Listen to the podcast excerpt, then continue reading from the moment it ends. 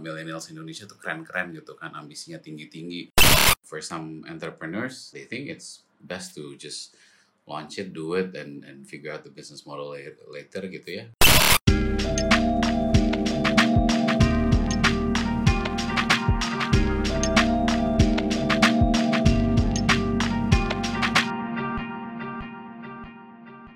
Hai Sobat Baper Beijing, hai ho, apa kabarnya? Ketemu lagi kita dengan episode kali ini akan membahas seputar how to develop a startup business. Kali ini kita sudah kedatangan salah satu nih uh, startup CEO dan juga co-founder Inspigo, ada Kak Tio Guritno. Halo Kak Tio. Hai Feni, apa kabar? Aduh, puji Tuhan sehat-sehat. Kak Tio gimana nih? Sehat, sehat Udah lama banget ya nggak ketemu face to face gini. Hmm? Terakhir kita ketemu di event LDK eh sekolah kepemimpinan ya sih kak? Ingat nggak? Eh, iya benar itu berapa iya. bulan yang lalu ya. Tapi kan sebelumnya sebelum pandemi itu yang dulu di Beijing ya. Iya sebelum pandemi ya terus ketemunya online terus sekarang belum ada kesempatan offline. Gimana Kak Tio akhir-akhir ini dunia perbisnisan Inspigo aman? Uh, aman uh, ya so far uh, apa namanya kan keadaan membaik ya pandemi membaik terus juga uh, secara kesibukan meeting-meeting udah mulai offline uh, jadi lebih berasa energinya ya. Memang ya it's been almost two years lah ya kita meeting-meeting online seperti ini jadi uh, apa ternyata beda banget kalau meeting offline tuh bisa banyak yang lebih di didiskusikan dan dieksekut gitu dengan cepat gitu. Jadi ya ya so far uh, it's uh, apa namanya uh, enjoying the uh, inilah the luxury of uh, meeting people offline gitu ya. Mudah-mudahan nggak ada apa-apa lagi omikron dan lain-lain aman. Jadi ya kita balik ke normal dan uh, bisa interact with other human beings. Tapi wow. in terms of uh, business uh, doing very well um, kita closing the year uh, next year uh, big plans for for Inspigo. Iya nanti mungkin kita cerita lebih lanjut ya tapi uh, aduh all, mantap. Boleh boleh uh, banget. all, all good stuff lah. Uh, iya yes, amin. mantap banget. Tapi ini sebelum masuk nih kak kita ngebahas lebih dalam about Inspigo kita start dari hmm. why Inspigo gitu. Karena ini kan kita sekarang membahas seputar startup ya. Mungkin cerita dikit deh kak. Kilas balik sejarah. Dulu apa sih yang membuat kak Tio tuh terpikirkan mau buat sekelas startup berbasic uh, informatif seperti ini, kreatif art seperti ini di Apa pas lagi duduk-duduk minum kopi? Ceritanya agak panjang sebetulnya karena kan aku backgroundnya itu teknologi kan. Aku dulu lama di Silicon Valley uh, dulu uh, sempat kuliah di Amerika terus uh, stay di sana for about 17 years gitu ya. Jadi selesai kuliah kerja, terus ya nyangkut lah ya kerja-kerja terus di teknologi. Dulu aku kerja di uh, Electronic Arts, it's a game company. Kalau pada tahu EA Sports gitu ya, atau The Sims, aku dulu ngerjain The Sims. Terus udah gitu masuk ke startup, ke Pandora, ada music company, and then I, I built uh, my own venture gitu for the first time in 2013 itu berhubungan dengan HR gitu ya talent uh, personality matching terus juga tahun 2015an eh, gitu uh, bikin startup edutech gitu. Jadi sebetulnya kalau dibilang Inspigo itu inspirasinya dari mana gitu, uh, mungkin bisa dibilang itu kayak gabungan dari beberapa produk-produk yang pernah aku bikin in the past gitu. Jadi ada unsur streamingnya gitu. Streaming itu dulu aku ya apa bantu bikin music streaming. Uh, terus ada unsur apa edukasinya dulu aku bikin Eh, aplikasi untuk uh, edukasi untuk anak-anak gitu ya. Tapi ini yang Inspigo kan beda target market tapi tetap ada influence dari situ. Uh, dan juga ada unsur apa human empowerment lah waktu aku bikin aplikasi atau produk untuk HR gitu. Jadi secara nggak langsung ya kayak waktu itu mau bikin apa aku pulang ke Jakarta sebetulnya belum ada kepikiran bikin Inspigo ya tahun 2016 terus networking lah karena very much I, I spend the whole life I never actually work in Indonesia gitu. Jadi networking dulu satu tahun kenal kenalan terus aku partneran sama namanya Mas Yoris Sebastian gitu terus sama istriku juga. Dan kita bertiga partneran kita mau bikin apa nih gitu karena kita memang kayak temenan dan dan bersinergi lah gitu. Nah pada akhirnya ya karena tadi backgroundku bikin produk-produk itu dan aku juga punya kegelisahan gitu ya karena waktu itu ketemu sama anak-anak millennials yang ternyata uh, millennials Indonesia tuh keren-keren gitu kan ambisinya tinggi-tinggi. Waktu itu aku pernah nanya sama mereka oh, gue mau jadi gubernur BI gue mau jadi menteri ini gue mau jadi the next Sri Mulyani gitu. Kayak wow gitu. Gue kayaknya dulu mau gitu nggak mimpinya nggak gitu-gitu amat tapi keren-keren banget ya. gitu. Jadi pas pas ngelihat mimpinya tinggi terus pas ngobrol ternyata mereka butuh nih uh, di equip gitu untuk bisa menuju ke sana gitu karena mm-hmm. ternyata nggak nggak terlalu banyak juga solusi untuk bisa membantu develop teman-teman ini yang udah punya energi bagus udah punya energi tinggi untuk bisa mencapai mimpinya jadi kepikiran yaitu bikin Inspigo untuk bisa power teman-teman uh, di di umur 22 sampai 35 lah umur yang benar-benar lagi produktif produktifnya untuk untuk mencapai mimpi-mimpinya secara personal dan profesional gitu ya personal in a way. Kalau kita mikirin kita mau jadi menteri tapi kitanya juga sendiri nggak sehat gitu ya secara personal gitu secara mental dan dan lain-lain itu juga kan uh, nggak balance gitu ya. Jadi kita mencoba balance antara si profesional dan personal ini. Jadi from day one ya kita coba bantu itu tapi at the same time kita juga harus mikirin kan oh, oke okay, this is a, a impact business tapi uh, how do we how do we run the business gitu? How do we make money mm -hmm. gitu kan? Kan kalau kita impact aja kan berarti ya kayak yayasan gitulah istilahnya ya. Hmm, gitu. Nah, yeah, we need to think about nah, how, how to make revenue, how to hmm. create the business model gitu. Jadi dari awal ya aku beruntung banget sih punya partner Dita dan uh, Yoris gitu. Mas Yoris juga udah dia entrepreneur juga gitu dan udah banyak uh, bantu juga entrepreneur-entrepreneur yang lain. Jadi kita bertiga ber, bersinergi dan ya uh, so far uh, it's been a very good ride dan uh, bersyukurnya sih uh, bisa bantu banyak orang, um, bisa bisa memberikan uh, impact, tapi at the same time juga there is a business out of it. Jadi menjalankan ini juga menyenangkan gitu ya. Uh, mm -hmm. It's not uh, you do it not uh, for the sake of money or for anything yang istilahnya material gitu ya tapi ada impactnya dan when when people say thank you gitu uh, aku udah dengerin ini di Inspigo dan aku bisa begini begini begini Uh, That's magic. it, it, it lasts forever gitu. You you you die you die in peace lah gitu basically wow, ya kayak. Luar biasa. Ya kan kayak ya, kayak ya, ya kayak kayak uh, it's it's a different satisfaction gitu kan. Definitely. Uh, iya benar. Jadi uh, it's been very rewarding uh, personally buat aku uh, melakukan ini dan ya yeah, I, I look forward to continue doing this uh, for many years. Wah, luar biasa. Berarti tujuannya tuh udah kejawab banget sih. Kayak langsung empowerment ya. Untuk empower semua generasi milenial sekarang yang yang memang notabene sih kita juga tahu ya pemerintah sedang menyebutkan Indonesia ini sedang dalam masa uh, memiliki SDM yang hampir menuju masa produktif ya. Makanya kita punya goal di Indonesia Emas 2045. Kehadiran di Spigo ini mungkin bisa menjadi salah satu opsi ya untuk memberi mereka banyak banget insight untuk mewujudkan jadi direktur BI ya.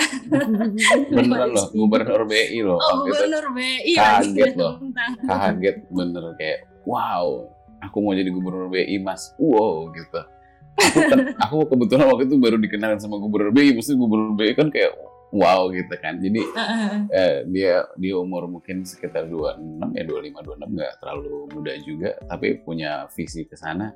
That's actually inspiring gitu. Soalnya aku sendiri nggak punya visi jadi gubernur BI jadi ngelihat dia sangatlah antusias tuh kayak that's really ini sih bangga gitu loh. Aku kan dulu maksudnya aku spend di Indonesia baru gitu ya jadi ngelihat energi ini itu kayak sangat mengharukan dan membanggakan lah gitu punya punya spirit untuk majuin Indonesia gitu sih teman-teman wow, surely dong aduh Kak Tio mah Duh, inspiratif. Oh, aku mah bilangnya. Betul ya nih Kak Tio? Kalau tadi cerita kita, latar belakangnya adalah Kak Tio. Berarti secara nggak langsung sebenarnya Kak Tio ini lebih merasa aduh aku ingin mengembangkan Indonesia di bidang seni digital kreatif ya. Balik ke Indonesia milihnya. Atau uh, kemarin ada pilihan lain nggak selain Indonesia? Jadi gini, ya aku kebetulan ya waktu itu aku aku punya kesempatan kerja di luar gitu ya kerja di luar. Ya nggak niat juga untuk kayak aku juga nggak pernah mikirin apa sih punya ambisi kayak wah gimana gimana banget gitu ya jalanin memang seneng gitu. Uh, ya stuck for a long time ya kerja mungkin kerja 12-13 tahun di Amerika tapi uh, dulu tuh aku merasa karena aku seneng ngerjainnya dulu ya ya ya hmm. alhamdulillah gitu dapat apa kayak recognition dapat award gitu dari dari beberapa kayak uh, kesempatan lah karya-karyanya dapat award terus startupnya IPO segala macam jadi kayak ada beberapa achievement yang menurutku wah this is actually very rare untuk dapetin ini nih tapi gue bikin produk-produk ini kok hanya untuk bukan hanya ya cuma maksudnya untuk masyarakat Amerika untuk masyarakat dunia gitu ya. Tapi nggak pernah nih gitu punya kesempatan uh, bikin untuk teman-teman Indonesia di Indonesia bareng sama teman-teman Indonesia gitu. Jadi dulu tuh mimpi kecil gitulah di dalam lubuk hati gitu ya. Kayak pengen uh, ya berkontribusi untuk specifically masyarakat Indonesia gitu ya. Terus bikinnya di Indonesia bareng sama orang Indonesia. Itu itu mimpi kecil lah gitu karena merasa ya bukannya so tahu tapi kayak dulu merasa kayak ya udah pernah punya punya kesempatan gitu untuk uh, ya dulu kayak misalnya award awardnya juga lumayan uh, global gitu kan. Jadi kayak aduh ya bagus sih gitu senang banget gitu. Cuma kayak gue kan dari Indonesia nih gitu. Gue mm -hmm. pernah nasionalisnya tinggi ya kak? gitu. Sebenarnya uh, nasionalis ya iya mungkin. Tapi lebih ke ini sih apa ya kayak uh, aku kan yang gede sampai SMA kan di sini gitu. Jadi aku harus tahu hmm. dan aku harus bisa gitu lah gitu. Lebih mungkin atau dilongin kali ya atau juga. Ini, ini ya intinya itu sih cuma mimpi. Mungkin pernah ngucapin sekali dua kali ke keluar tapi di dalam hati itu selalu ada. Ya pada akhirnya pas uh, tahun 2015 kebetulan keluarga mamaku lagi kurang sehat jadi aku pulang ke Indonesia beberapa kali gitu ya untuk visit doang tapi belum belum pindah terus melihat waktu itu kan ada Gojek, ada Traveloka gitu baru mm -hmm. baru barunya tuh Tokopedia. Terus melihat bahwa wah akhirnya nih yang selama ini gue kerjain bertahun-tahun, 10 tahun lebih di Amerika nih kayak akhirnya ada ada traction yang cukup besar di Indonesia. And then I, I told my wife kayak maybe it's time ya to go home gitu to move back to uh, Indonesia gitu. Terus ya udah itu sih sebetulnya al alasan apa ya utama ya mimpi kecil itu yang ya penasaran lah ya. Namanya orang nggak pernah puas kan orang selalu nanya ke aku kayak gila lo udah di Silicon Valley gini-gini ngapain pulang? Gitu kan. Tapi ya ya kalau orang udah pernah di sana ya kadang ya, nyobain yang di sini gitu ya. Iya, betul. nyaman atau nggak nyaman? Nyaman atau nggak nyaman kan relatif ya. Ya kalau kita merasa bersyukur terus ya dengan keadaan apa pun yang akan nyaman gitu ya mau di mana pun itu gitu. Jadi kadang ya banyak yang nanya tapi aku sih uh, I never regret uh, apa namanya coming back home lah gitu. Karena ya ternyata di sini juga seru. Mm-hmm. it's a, it's a perspective lah gitu ya. Uh, kadang orang mikir kayak stres tapi aku kayak bilang seru banget ya. Terus aku bisa kumpul sama keluarga sama orang tua aku sama mertua aku sama saudara-saudara gitu. Kayak anak-anakku jadi kenal sama semuanya gitu itu ya kalau aku di luar ya mungkin aku nggak punya kesempatan itu jadi ya mungkin kira-kira awalnya gitu ya tapi pada hmm. akhirnya uh, ya giving back gitu ya uh, giving back mungkin uh, salah satu big uh, drive-nya juga ya untuk bisa membantu banyak orang lah gitu di, di sini. Yes, in that Kat, Katio. Eh, ini aku mau nanya nih, Katio tadi bilang itu terinspir, uh, itu terpikirkan, sempat terpikirkan ya, bahwa ingin memberikan sedikit ya bahasa simpelnya kontribusi ke Indonesia gitu pengennya berkarya di Indonesia. Itu sebelum ke Silicon Valley atau dari jauh-jauh dulu waktu sekolah SMA zaman kapan gitu pikiran gitu? Enggak sih ya, enggak ini pas lagi di sana. Jadi gini kan nggak tahu mungkin teman-teman di sini ya teman-teman di sini pada di China semua nggak sih? Pernah di China? Pernah kalau pernah keluar Indonesia yes, yes. gitu ya, yeah. pernah keluar Indonesia kan? uh, waktu aku di Indonesia, of course perspektifnya semuanya Indonesia. Wah Indonesia begini begini begini begini gitu kan kayak wah mm-hmm. apa macet gitu kan. Uh, begitu kita keluar ke Indonesia, kita tuh kan kayak uh, we're in a different perspective gitu. We're we're from apa we're from outside looking inside gitu kan. Jadi kita kayak zoom out gitu ternyata Indonesia nggak jelek kok keren kok gitu. There's so many uh, things yang yang yang bisa kita appreciate tentang Indonesia gitu. Nah jadi waktu aku kuliah pertama kali itu aku merasa pelan-pelan merasa ada itunya gitu ya. Uh, jadi mungkin kecintaan aku terhadap Indonesia lebih tinggi waktu aku keluar gitu karena mm -hmm. melihat dari perspektif luar gitu ya. Padahal aku juga luran kayak kayak permias gitu ya apa sih istilahnya organization yang uh, apa mahasiswa gitu gitu segala macam. Aku dulu juga ikutan gitu dan dan dan the, the spirit is to to tell everyone about Indonesia juga gitu. Karena Indonesia keren gitu kan. Nah tapi nggak nggak kepikiran tadi itu sih kayak mau pulang apa kontribusi sih nggak terlalu kepikiran. Cuma apa kayak apresiasi terhadap Indonesia itu uh, lebih naik waktu uh, waktu aku di luar gitu. Ternyata orang kayak ngelihat Indonesia tuh keren banget. Sedangkan kita orang Indonesia ngelihat Indonesia kayaknya dia dilihat salah-salahnya terus gitu ya dulu ya kayaknya. Mm-hmm. jadi, jadi kita nggak merasa bahwa Indonesia tuh sekeren itu. Tapi uh, gara-gara gara-gara aku di, di sana di luar terus pada akhirnya juga lama di luar gitu ya ya banyak yang masih bilang kayak Indonesia begini-begini. Tapi perspektif aku jadi berbeda dan pas aku pulang sekarang perspektif aku melihat Indonesia dari luar itu masih ada dan aku selalu appreciate itu dan aku selalu bilang Indonesia itu keren gitu.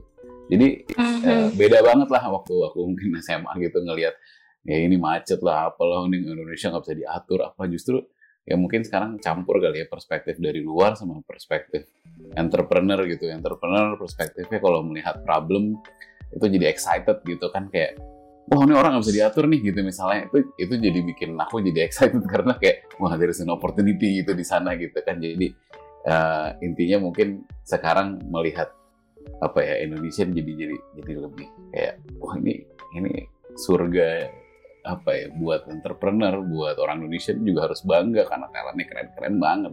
Aku di Silicon Valley lama aku mau bisa bandingin lah gitu ya secara kasar.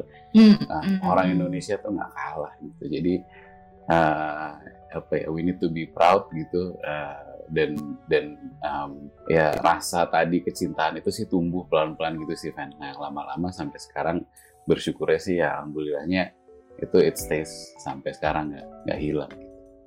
Wow, luar biasa Kak Tio. anyway Kak Tio, dulu waktu pertama banget, pertama sekali akhirnya Kak Tio dan juga uh, istri dan juga teman Kak Tio nih, partner Kak Tio, memutuskan untuk membangun sebuah startup bernama Inspigo. Awalnya apa sih oh, yang membuat Kak Tio dan rekan-rekan ini sepakat menyebutkan nama startup ini Inspigo? Kalau namanya sih ya namanya dulu nyari-nyari ya, tapi mungkin ada fundamental uh, value gitu di dalam namanya ya. Jadi kita menyebut inspirasi itu tuh sesuatu yang menggerakkan gitu ya. Jadi kita membedakan antara inspirasi dan motivasi gitu ya. Kalau misalnya nih, misalnya uh, lari maraton gitu ya. Udah dua kilo terakhir gitu kan kayak ayo bisa bisa bisa gitu kan. Ayo pokoknya. Udah dikit lagi gitu kan. Itu itu istilahnya motivasi kalau di aku gitu ya.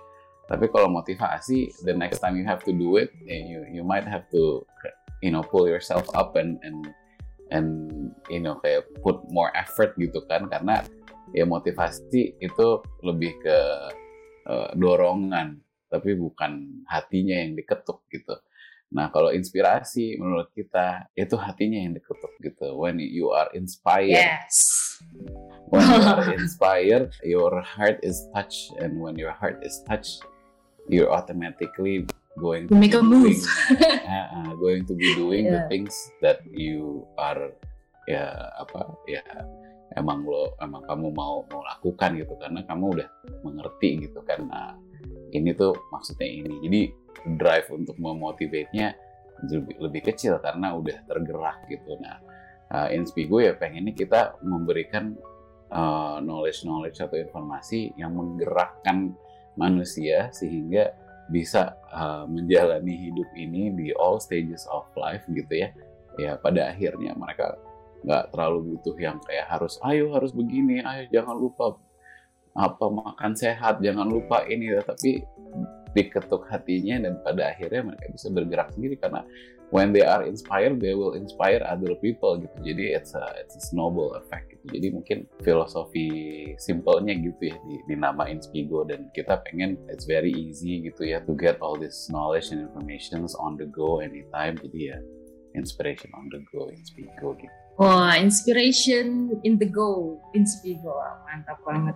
Ini boleh tahu kak, waktu proses dari uh, creating ya sampai planning, sampai benar-benar sebuah perusahaan lah kita bilangnya startup company bernama Inspigo ini establish. Prosesnya berapa lama sih? Dan apa tantangannya? Kalau berapa lama aku lupa ya. Nah, tapi ya paling paperwork gitu-gitu ya kalau PT-PT ya Uh, dan ini kan sebenarnya venture ketiga aku kan ya. Um, dulu aku pernah bikin dulu di uh, waktu masih di SF dua kali.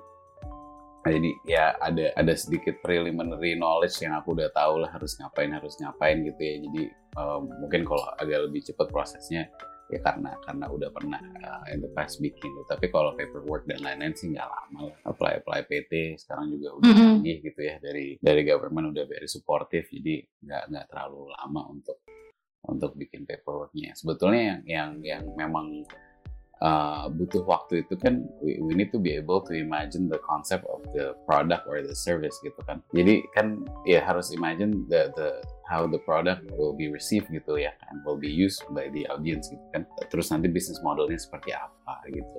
And ya yeah, I've done you know things like that in the past dan aku pernah dulu running uh, startup terus nggak ada bisnis model yang clear pada akhirnya susah cari funding terus ya ada struggle-struggle yang aku udah pernah alamin sehingga waktu aku bikin Inspigo aku ngobrol sama Mas Yori sama Mbak Dita itu jadi kayak oke okay, we need to have a clear revenue model from the beginning. Dan even waktu kita baru mulai itu udah ada revenue-nya gitu. Wow. uh, even even belum launch aja gitu kita udah ada revenue-nya. Kayak aku kan selalu aku deket juga sama teman-teman Pak Visi teman-teman investor teman-teman startup juga gitu kadang model-model kayak gini it's it's not common gitu. Cuma uh, I I believe that ya at the end of the day it's a business gitu ya. Uh, bisnis itu simple kok. Ya bisnis itu kan ya ada ada apa service atau produk yang di offer terus nanti ada transaction terus nanti ada margin ada ada costnya ada apanya. Gitu tuh very simple logic very simple math lah kalau mau mau sekompleks apa pun bisnisnya ya. Kalau di di diturunin ke formula itu ya sama aja semua bisnis tuh akan seperti itu gitu. Whether mm-hmm. mau bisa scale atau nggak scale apa pun itu sama. Jadi the fundamental of business itu yang kita jagain dari awal. Memang ya, ya mungkin karena kita juga ya Mas Yoris lebih tua daripada aku gitu. Aku juga udah di atas 40 gitu kan. Jadi kita udah udah lumayan tua-tua nih kita uh, running this business gitu. Jadi lebih lebih wise mungkin ya eh, mungkin dibanding grup-grup lain gitu. Tapi ya yeah, I, I really believe in, in in the fundamental of business. So if we say that we wanted to create impact gitu, tapi what's the, the business gitu. Jadi kita harus create itu dan itu ya butuh waktu untuk bisa really uh, apa ya proof gitu ya punya proof mm -hmm. of concept.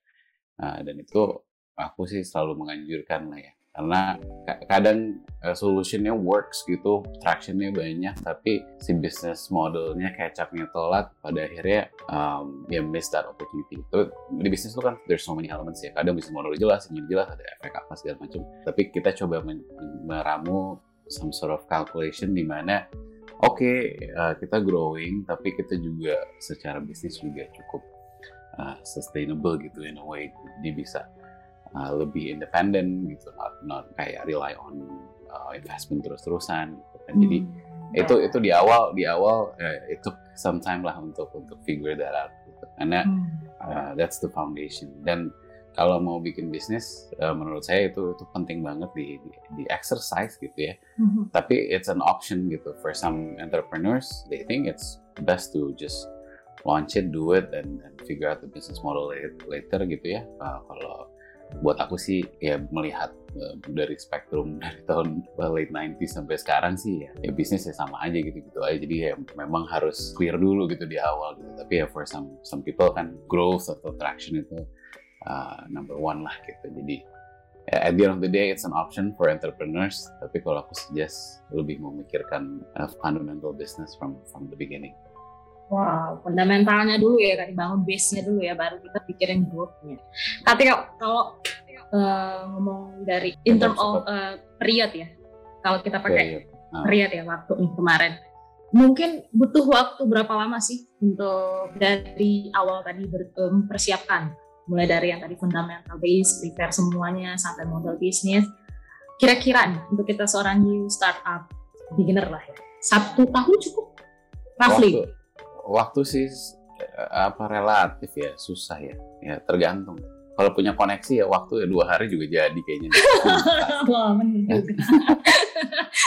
waktu itu something yang nggak bisa di ini gitu. Tapi again mungkin steps sekali ya. Steps ya tadi itu ya harus mikirin fundamental business terus kita juga bikin projection bikin plan bikin all the the things yang emang ya kita istilahnya gini kalau mau gampangnya mensimulasi gitu ya. Kita harus bisa imagine the thing that we are building, the thing that we're selling gitu ya. Kalau bisnis gitu kan.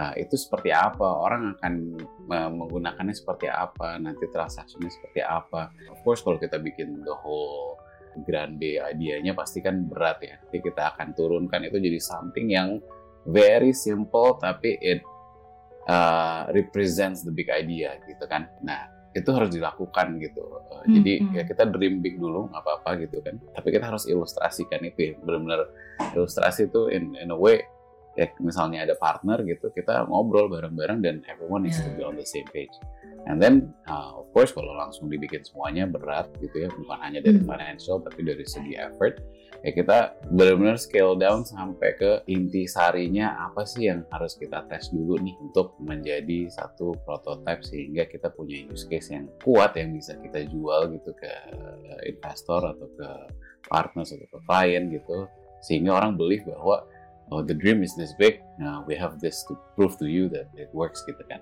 Sebetulnya kalau menurut aku lebih ke step itu sih. Kalau lama lamanya, sebentarnya itu ya tergantung speednya kayak gimana gitu ya. Kalau misalnya ternyata udah dapat funding di awal gitu dari angel atau apa bisa lebih speed up gitu kan beda beda speed gitu ya sama yang nggak mm. punya uh, funding gitu kan. Jadi sebetulnya lebih ke step-step itu yang yang di awal membangun fundamental, membuat prototype, test the hmm. market. Nah, all the all those steps itu need to be to be done lah gitu. Menurut kakak ada nggak sih startup yang memang zero funding? Ada.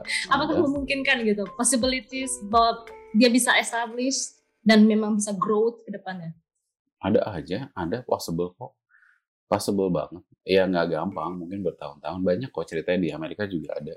Either zero funding atau self funded nggak pernah pakai visi. Banyak kalau kalau nggak salah kayak Mailchimp terus ada ada satu project management software itu juga uh, nggak uh, pernah dapat uh, duit dari investor gitu. Uh. Mereka kalau Mailchimp itu 20 tahun, 25 tahun. Gitu. Banyak kok, banyak sih. Semuanya mungkin gitu, tapi kadang-kadang pressure gitu ya kok oh, lama banget sih growth-nya gitu kan hmm, oh hmm, ini yeah. ya ini udah cepet ini wah ini udah unicorn apa segala macam gitu kan. itu yang yang jadi pressure juga gitu kan jadi akhirnya ya ikutan fundraising segala macam tapi kan belum tentu harus itu jalannya dan bisa aja ya pakai duit jadi misalnya kita bikin produk gitu ya misalnya pakai pakai sendiri tabungan sendiri. Terus kita jual ada duit uh, revenue dari situ kita puterin lagi. Nanti kita puterin lagi gitu ya. It takes awal emang pasti lebih lama. Tapi dari situ kan pak biar kita punya full control. Kita juga bisa uh, nakar growth-nya dan lain-lain. Jadi ya banyak cerita yang bisa dibilang uh, fundingnya sendiri gitu yang pakai apa angel atau venture capital tuh banyak sih. Wah, berarti sobat paper Beijing boleh banget kalau kalian ingin punya rencana nih buat startup tapi stuck di funding dari Kak Tio bisa memberikan sedikit yeah, message yeah, yang menenangkan yang, jiwa. yang penting sebetulnya itu kan problem yang di solve tuh apa gitu kan. Yes. ya terus udah gitu ya kita benar-benar mensimulasi gitu ya prototype itu uh, benar-benar problem itu resolusinya itu resonate dengan problemnya gitu. Itu kan yang paling penting. Nah begitu nanti udah oke okay, ya nanti kita ini lagi iterate lagi iterate hmm. lagi gitu nah that spirit of always apa giving solutions dan dan selalu beriterasi terus-terusan itu yang penting sih buat entrepreneur. Yes, benar. Ya. Tapi yuk, kalau mengilas balik nih dari awal uh, bisnis startup yang kakak buat, jadi dari yang pertama banget berdiri sampai sekarang itu udah running berapa lama ya? Dan bagaimana pertumbuhannya? Mungkin dari segi karyawan sekarang timnya Inspigo udah berapa gitu? Kalau Inspigo sekarang ini mungkin 80 orang ya. Um, wow. Belum terlalu belum terlalu gede-gede banget lah ya karena kita ya benar-benar coba uh, revenue dengan stabil growth juga dengan uh, stabil begitu fondasinya udah kuat baru kita uh, benar-benar scale gitu ya jadi uh, ya sekitar, sekarang sekitar 80 orang nah, itu udah beroperasi berapa tahun Pak Vigo? kita empat tahun nih kira-kira ya, empat tahun. Oh empat tahun dan sudah 80 karyawan. Ya masih sedikit lah 80 karyawan yang lainnya tuh kan banyak ribuan ratusan. Oh, tapi udah keren loh Kak Tio. Dan itu katanya boleh tahu nggak selama uh, proses empat tahun perjalanan ya pasti ada struggle. Yang tadi kakak bilang juga balik lagi kalau ada struggle kita finding solution. Apakah pernah merasakan stuck with the problems Iya, ya pernah mungkin ya. Um, jadi sebetulnya salah satu spirit yang yang kita encourage gitu di internal ya di Inspigo itu kan kita ngomongnya ngulik ya, the spirit of ngulik gitu. Uh, ini Indonesia banget sih sebetulnya.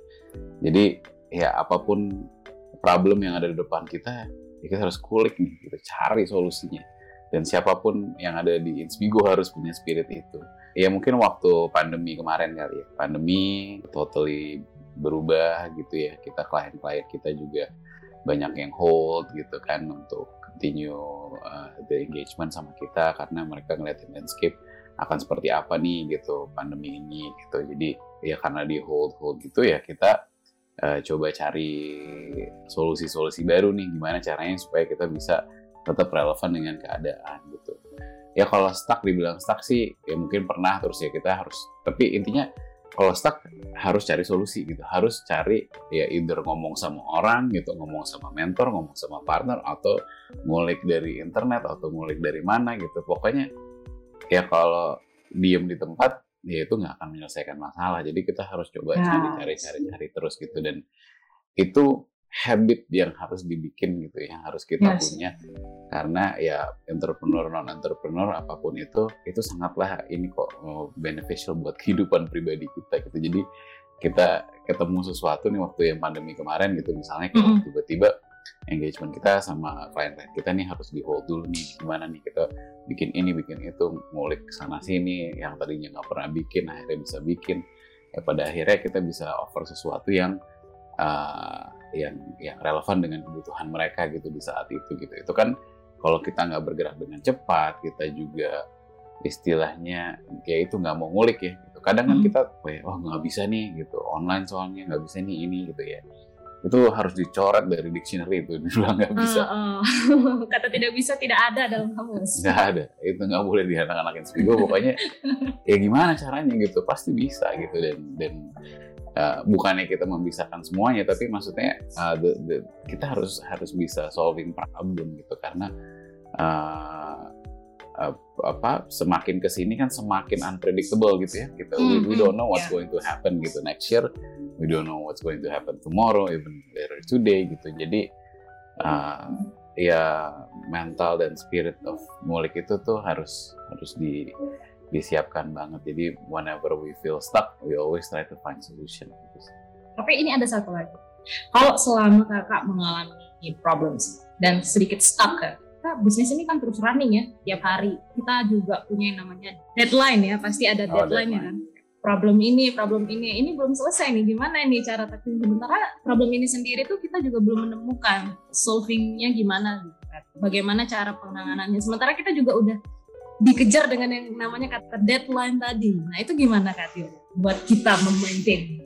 Kalau aku sih sebetulnya ya satu-satu ya nggak bisa semuanya mau dihajar at the same time. Ya satu harus selesai gitu kan, benar-benar selesai gitu. Jadi benar-benar uh, fokus gitu ke satu. Jadi istilahnya hmm. single tasking lah ya, instead of multitasking gitu. Jadi fokus ke satu, uh, selesaikan, selesai, udah selesai, oke okay, kita move to the next gitu. Kalau semuanya berbarengan, ya mungkin aku sebagai leader, aku punya tim yang aku bisa bantu ya monitor gitu ya. Tapi timku aku harus make sure dia fokus ke per uh, problem tersebut gitu. Ya of course kadang-kadang overwhelm ya. Jadi kalau aku personally sih aku suka meditasi. Wow. Jadi, uh, kalau uh, ini di, di Inspigo juga baru keluar series meditation itu sangat Waduh. Jadi Boleh. 10 minute meditation gitu tuh hmm. works juga untuk kayak clear out your mind, uh, menenangkan uh, mental gitu ya. Nanti bisa uh, efektif lagi gitu. Aku merasakan itu karena sebetulnya ya tadi antara problem solving ya, ngulik gitu ya sama this emotional agility ya. Zaman hmm. sekarang nih, zaman pandemi ini ya uh, emosi itu kan naik turun ya. Itu aku yes. ingat waktu zaman kemarin yang lagi parah-parahnya gitu ya si yeah.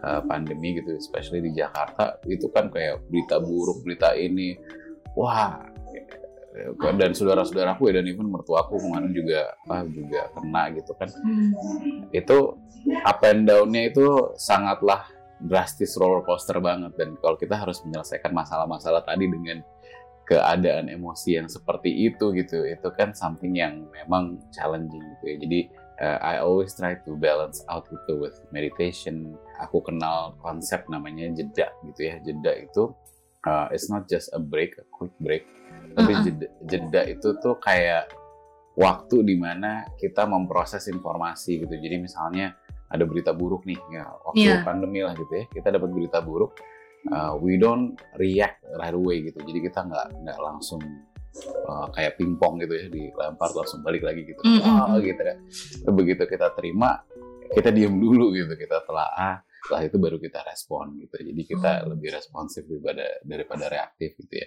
nah hal-hal kayak gitu aku coba pelajari juga tuh uh, di combine dengan uh, meditation sehingga solving problemnya itu bisa bisa benar-benar lebih tenang gitu sehingga ya pelan-pelan bisa selesai satu-satu. Ya nggak gampang. It needs a lot of practice. Dan I'm still ini ya uh, learning and practicing juga. Yaitu kalau pengalamanku sih seperti itu tadi. Wow, meditasi ya kak juga adalah kunci ya bersama jeda ya mempelajari jeda. Nah ini kak Tia sendiri waktu uh, dalam kondisi meditasi tadi dan juga sedang dalam kondisi jeda tadi. Apakah Kak Tio pernah, apakah itu semua benar-benar berhasil gitu? atau apakah oh, ya memang sudah lah. menjalankan dua metode tadi still ya doesn't work at all gitu? Ya pernah lah nggak berhasil. ya stres ya pernah lah. Ya stres sering lah maksudnya. Tapi again uh, the spirit is aku nggak mikirnya itu gagal gitu loh. Aku mikir ya itu part of learning gitu. Jadi aku selalu kadang orang mikir kok kalau nggak nggak ngerasa gagal mulu sih gitu. Bukan gagal sering gitu mungkin ya kalau tapi it's, it's about perspektif kan again ya. Ini ya kalau kita nggak nggak berhasil melakukan stres itu aku juga mikir kenapa nih? gitu ya. Oh maybe this is a sign gitu. This is a sign from the universe that I need to pay more attention gitu kan atau to to spend more time with the family atau apa pun hmm, itu. Jadi yeah. kalau dibilang nggak berhasil itu segala macam ya mencoba memaknai ya, kenapa nggak berhasil gitu jadi ya I don't know mungkin mungkin aku terlalu sering dengerin Inspigo ya jadi mungkin jadi okay. rasanya kayak ya yeah, everything that happens uh, in your life uh, there is always ada meaningnya gitu kan ada yes. ada ada lessonnya jadi kalau emang gagal itu bukan gagal that's a reminder for you gitu ya gitu kan. Misalnya aku apa misalnya pitching gitu kan nggak nggak nggak masuk nih pitchingnya oh kenapa nih gitu. That's a, it's a good reminder dan I I am thankful for all the apa ya rejection or or hmm. anything gitu kan. Jadi aku nggak mikir itu rejection aku nggak mikir itu failure. Jadi kalau orang nanya kadang-kadang aku susah jawabnya karena perspektifku tuh aku mikir ya itu oh that's actually good feedback for me gitu I I will I'm, I am very thankful to get the rejection because otherwise I cannot grow gitu kan jadi yeah. uh, apa ya kayak aku aku coba coba menggunakan perspektif itu dan bersyukurnya sih jadi merasa itu bukan kayak stuck atau ini banget ya uh, apa kayak painful banget gitu loh. Berarti bisa dibilang tidak ada kata gagal juga dalam kamus Katio. Selain tadi kata tidak bisa itu tidak boleh ada di Inspigo. gagal itu juga nggak masuk gitu. Itu lebih ke Gak gagal bukan yang jelek. Belajar, gitu. Iya, iya loh beneran deh kayak aku eh, sering tapi maksudnya dapat berita buruk ya sering lah yeah. ya ngerasa stres tapi sering tapi emosi emosi kita sendiri mm -hmm. kita terserah kita mau manage gimana tapi I try to manage it that way sehingga I feel better about what's in my life gitu what's ahead of me with the things I can control. Jadi uh, menurutku sih it works for for me ya kayak gitu ya uh, dengan perspektifnya tapi bukan berarti aku nggak pernah gagal. Kadang-kadang orang suka mikir gitu aku ya aku sering gitu gagal. Maksudnya sering aja ada pasti ada lah gitu ya yes, yes. Uh, tapi ya ya ya udah gitu kan um, aku aku lebih mikir kuncinya itu perspektif tadi perspektif harus ngulik perspektif harus uh, apa melihat ini semua sebagai pelajaran perspektif harus bersyukur perspektif harus ini gitu ya. Aku lebih fokus coba fokus ke situ. Tapi itu personal aku ya belum tentu itu bekerja di orang lain aku nggak ngerti. Aku nggak pernah ngajarin ini aku cuma sharing what I feel what I do. Uh, jadi take it with uh, grain and, uh, and salt gitu. Oke, okay. kalau bisa nih kak disebutkan dalam tiga poin aja. Sebenarnya dari masa kakak membangun bisnis startup kakak dalam hal ini kita in particular attentionnya ke Inspigo. Apa tiga hal poin penting yang dapat kakak pelajari dari proses awal sampai berdirinya bisnis startup kakak sekarang? Mungkin dari teknis, mungkin dari skill, apakah kakak juga dapat ilmu pengetahuan baru secara teknis ya? Yang selama ini oke, okay, walaupun kakak dalam 12 tahun di dunia bisnis kreatif yang bersifat teknologi juga ya kak sama di Silicon Valley gitu. Tapi mungkin ada ilmu-ilmu baru yang kakak dapatkan dari bidang teknologi atau dari segi manajemen hmm. ataupun juga tadi dari struggle-struggle yang kakak dapatin gitu. Pelajaran apa sih yang bisa kakak petik? Tiga hal poin pentingnya gitu. Yang bisa jadi landasan juga lah buat kita nih seorang newbie nanti kalau mau bangun startup. Ya tadi sebenarnya udah dua ya itu ya yang problem solving sama Yes, gitu. problem solving. Uh, sama, sama perspektif masuk nggak itu kak? Iya perspektif untuk selalu melihat something itu ya it's not a bad thing, it's not necessarily a good thing juga emang it's it's just there to to remind you to apa ya ya ya mengingatkan kita untuk selalu bersyukur atau apa pun mm, itu yes. jadi kayak everything itu emang happens for you gitu ya ya, ya apa pun yang terjadi itu jadi aku apa ya istilahnya ya lebih lebih selalu mencoba ber, bersyukur aja gitu ya gitu. Dan dan nggak terlalu membandingkan banyak orang lain which is itu susah banget kadang-kadang gitu. Kalau lain-lainnya ya mungkin banyak juga ya. Kalau dari segi leadership aku juga banyak belajar. Karena hmm. um, like I mentioned before gitu kayak this is my first time gitu kerja di Indonesia gitu kan. Maksudnya aku dulu nggak pernah kerja di Indonesia. Jadi this is my first time uh, kerja di Indonesia. Dan dan dan having uh, apa teman-teman dari dari Indonesia dan uh, ya mencoba mengcreate culture gitu itu yeah. itu itu something yang aku merasa aku juga sambil belajar sambil ini aja sih apa ya belajar dari orang dari dari dari mentor-mentor yang lain dari teman-teman yang lain terus juga belajar langsung nyemplung gitu sama anak-anak dan it's a it's an ongoing process mungkin yang terakhir ini sih salah satu yang paling fundamental uh, belajar untuk uh, selalu belajar gitu selalu apa learn unlearn dan relearn gitu ya. Aku bisa dibilang pengalaman lumayan gitu ya pengalaman lumayan banyak aku udah tahu dari dari zaman zaman dulu mau bikin apa segala macam udah yeah. pernah gitu ngalamin ya tapi aku nggak bisa nih langsung mengaplikasikan apa yang aku tahu di tempat yang berbeda waktu berbeda dengan orang yang berbeda gitu kan jadi nggak boleh hmm. so tahu gitu ya nggak boleh so tahu jadi aku harus unlearn gitu. Unlearn the things that I've learned in the past and then relearn gitu kan. Relearn dengan ya dengan kapasitas aku udah punya uh, pengalaman udah punya ilmu tapi aku harus learn the new things and the new environment gitu ya. Jadi that cycle itu tuh it's a very humbling experience gitu. Kalau kita lihat ya dari apa namanya aku juga ngeliat contoh-contoh misalnya orang udah pernah sukses bikin ini terus bikin apa lagi belum tentu sukses gitu kan. Itu sebetulnya kan ya tadi itu kayak uh, there's so many elements gitu kan in the mix. Jadi having that spirit of selalu ngingetin diri sendiri untuk selalu belajar terus udah gitu learn ya. Jadi kayak punya gelas nih gelasnya udah penuh. Tapi kita harus kosongkan dulu karena kita kalau kita isi uh, gelas itu yang waktu penuh kita tuh jadi kayak ngerasa agak sok tahu gitu ya agak enggak kok gini caranya caranya gini gini gini gini gini mm, itu, mm, itu itu itu kan very human lah ya. Very, ya, kadang ya, ada aja gitu ya. Ya kan, so tahu itu. Nah, untuk nggak so tahu tapi masih mau open minded dan juga mau belajar lagi, belajar terus, itu uh, satu skill yang nggak gampang dilakukan. Apalagi kalau udah tahu gitu ya. Gue udah tahu nih udah bikin ini berkali-kali kayak gini nih. Terus aku bilang sama, sama timku, ini bikinnya gini, gini, gini, gini, gini ya gitu kan. Nah, untuk kita selalu sok tahu gitu itu ya gampang pasti natural banget karena kita udah tahu gitu. Tapi untuk bisa unlearn terus relearn lagi gitu kayak artis gitu ya. Artis misalnya BTS sekarang heboh gitu ya. Tapi nanti yeah. misalnya kita uh, uh, apa istilahnya kalau fansnya uh, ya pokoknya kamu hardcore fans nah sekarang gitu. Tapi nanti 10 tahun lagi kamu uh, ngomong ingin ke orang-orang yang sama tapi kamu masih ngomong BTS gitu kan itu kan udah nggak terlalu relevan ya tapi kamu wah gue tahu banget nih pokoknya kalau K-pop nih begini begini begini, begini. itu kan belum tentu relevan di zaman relevan gitu di tahun kan. selanjutnya nah it's the same thing lah gitu jadi apa yang aku tahu ya fundamentalnya jelas gitu tapi belum tentu relevan di zaman sekarang jadi aku harus be very open minded gitu sama teman-teman uh, dan belajar bareng juga tapi at the same time juga ya karena punya wisdom dari uh, in the past itu harus di, dimasukin juga nah itu tuh kayak proses itu menurutku it's a very ongoing process yang yang personally aku ngerasa uh, aku masih belajar terus lah di situ gitu. Ya, nggak ada waktu ya itu nggak bisa dibilang ada deadline-nya ya kak, karena itu terus berlanjut ya, pasti akan terus berlanjut hingga bisnis ini.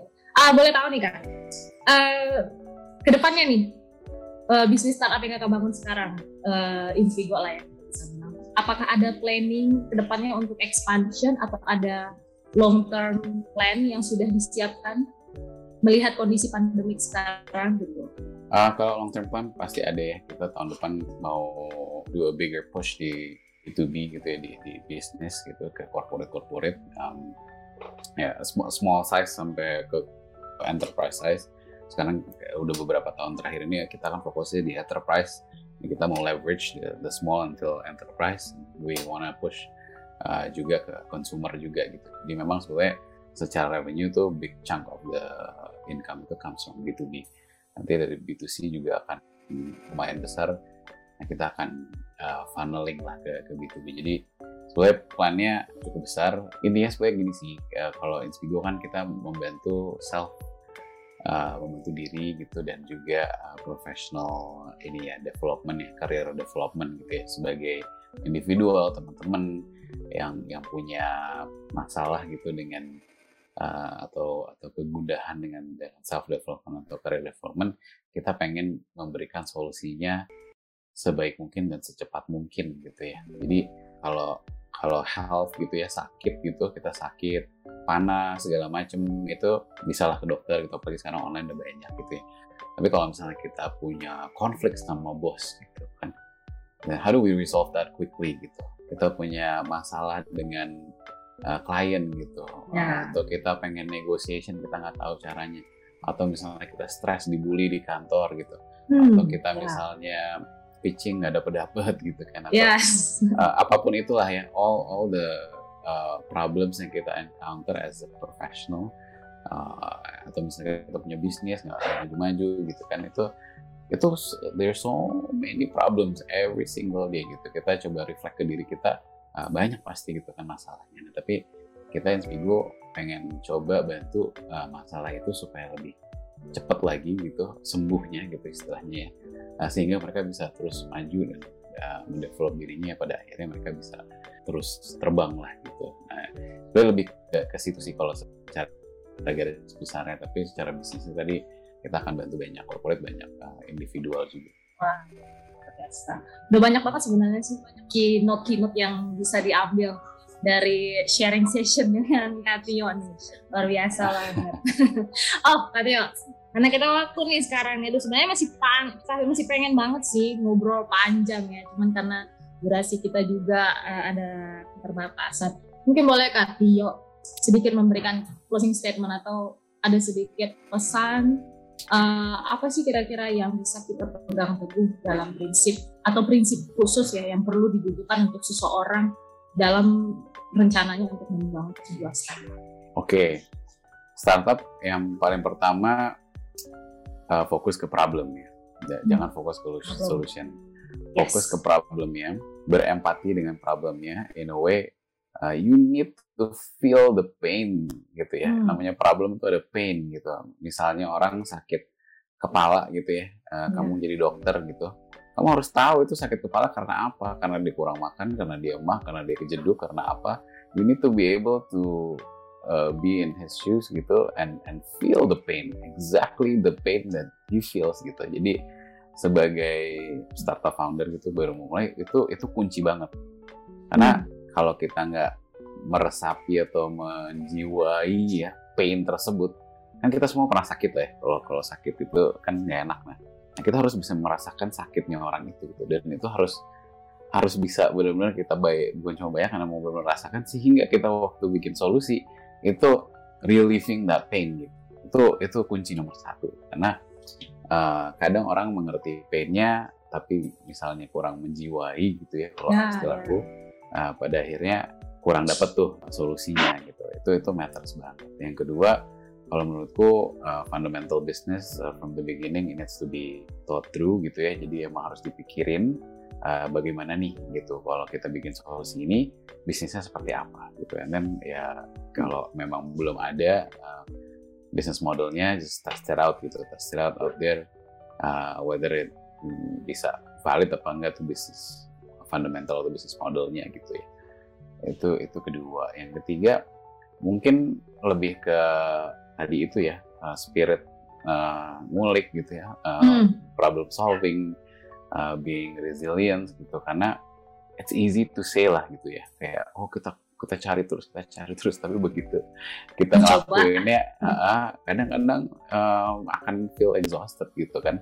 Uh, tapi we need to be able to to enjoy that process gitu. Menurutku problem solving is fun gitu. And and mm. you, you have to say that to yourself that it's actually a fun process.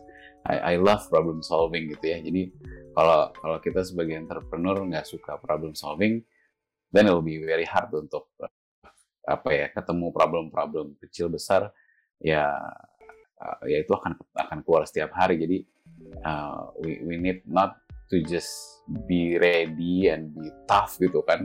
Masalah kadang-kadang being resilience itu penting banget ya. Tapi kalau kita nggak enjoy istilahnya enjoy the process of, of, of solving problem jadinya takutnya beban. Nah kalau udah beban nanti ke mental gitu ya karena hmm, berat yeah. gitu nanti pada akhirnya uh, bisa impact ke mana-mana gitu. Nah, tapi kalau kalau kita ngerasa kayak wah problem apa lagi nih seru nih gitu kayak oh kita coba kulik deh gitu.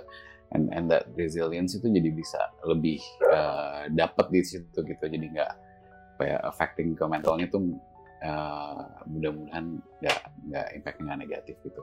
Uh, paling sebetulnya lebih ke tiga itu sih. Jadi ya um, apa hmm, harusnya kalau punya tiga itu sih udah udah udah ready lah ya.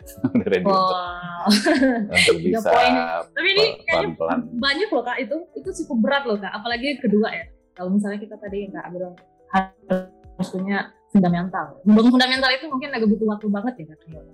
Uh, ya yang penting dipikirin dulu gitu. Jangan sampai bikin nggak dipikirin itu aja sih. Mulai kalau dibilang berat apa nggak berat itu uh, as you go along you'll find out lah itu kan il, il, il, apa namanya uh, it'll get adjusted over time ya. Bukan berarti pas udah dibikin di pertama harus fix sampai akhir nggak nggak, nggak kayak gitu gitu. Jadi uh, karena ya it's a never ending iteration yang namanya bikin perusahaan bikin produk uh, it's a never never ending process ya. Jadi yang fundamental itu sebetulnya lebih kayak jangan sampai nggak dipikirin dari awal gitu kan uh, dipikirin, dites. Uh, karena at the end of the day, ya semakin ke sini orang juga semakin mikirin itu, bukan hanya solusi dan growth dan dan hype-hype aja gitu ya, goreng-gorengan aja. Tapi yes. ya, fundamental bisnis itu penting. Jadi dipikirin aja. Kalau dibilang berat sih, kalau mikirnya berat semuanya jadi berat. Ya nggak usah dipikirin berat-berat lah, udah jalanin aja. Dijalanin aja ya kan, jangan dipikirin terus gitu ya. Bukan oh, jangan okay, dipikirin wow. terus, tapi jangan mikirnya berat gitu. Kalau iya, mikirnya berat ya akan berat. berat. Mikirnya ya, ya it's fun gitu, it's uh, it's something that that uh, excites me gitu. Jadi uh, it, it it it gives you different energy, deh, trust me. Oke, okay, wow. Thank you so much Kak Tio udah luangin waktu dan sharing nih di sesi Baper Beijing kita nih. Uh, dan juga buat teman-teman sobat-sobat Baper Beijing yang sudah mendengar sesi podcast kita hari ini. Thank you juga dan kalian boleh nih dengarkan juga uh, sharing session kita yang gak kalah menarik juga di sesi podcast Baper Beijing kita. Dan terkait dengan bisnis startup, kalau kalian interested boleh banget ikutin dan juga boleh jalanin tiga kunci yang sudah disampaikan oleh Kak Tio tadi. Saya Penny, si Teh. See ya guys.